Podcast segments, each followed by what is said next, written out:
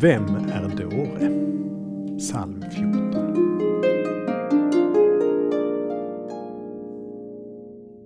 Dårarna tänker, det finns ingen Gud. I medierna framställs den som tror på Gud ofta i ett löjets skimmer. Rationalitet och modern vetenskapssyn uppges stå i motsats till tro. Den som tror på Gud kallas, om inte dåre, så åtminstone svagsint och godtrogen.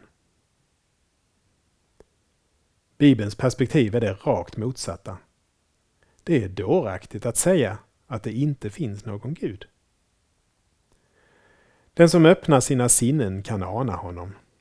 Varifrån kommer annars allt det vackra i naturen? Varför finns annars kärlek och omsorg?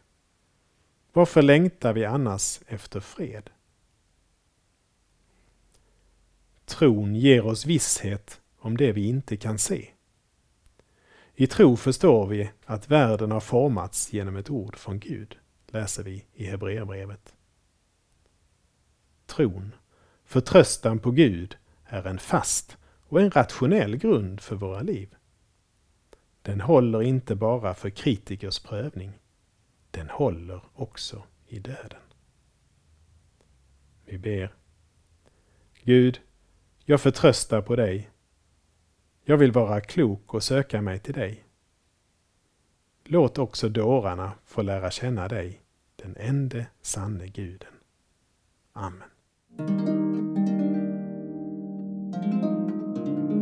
Saltarklanger med Per Runesson producerad av Norea Sverige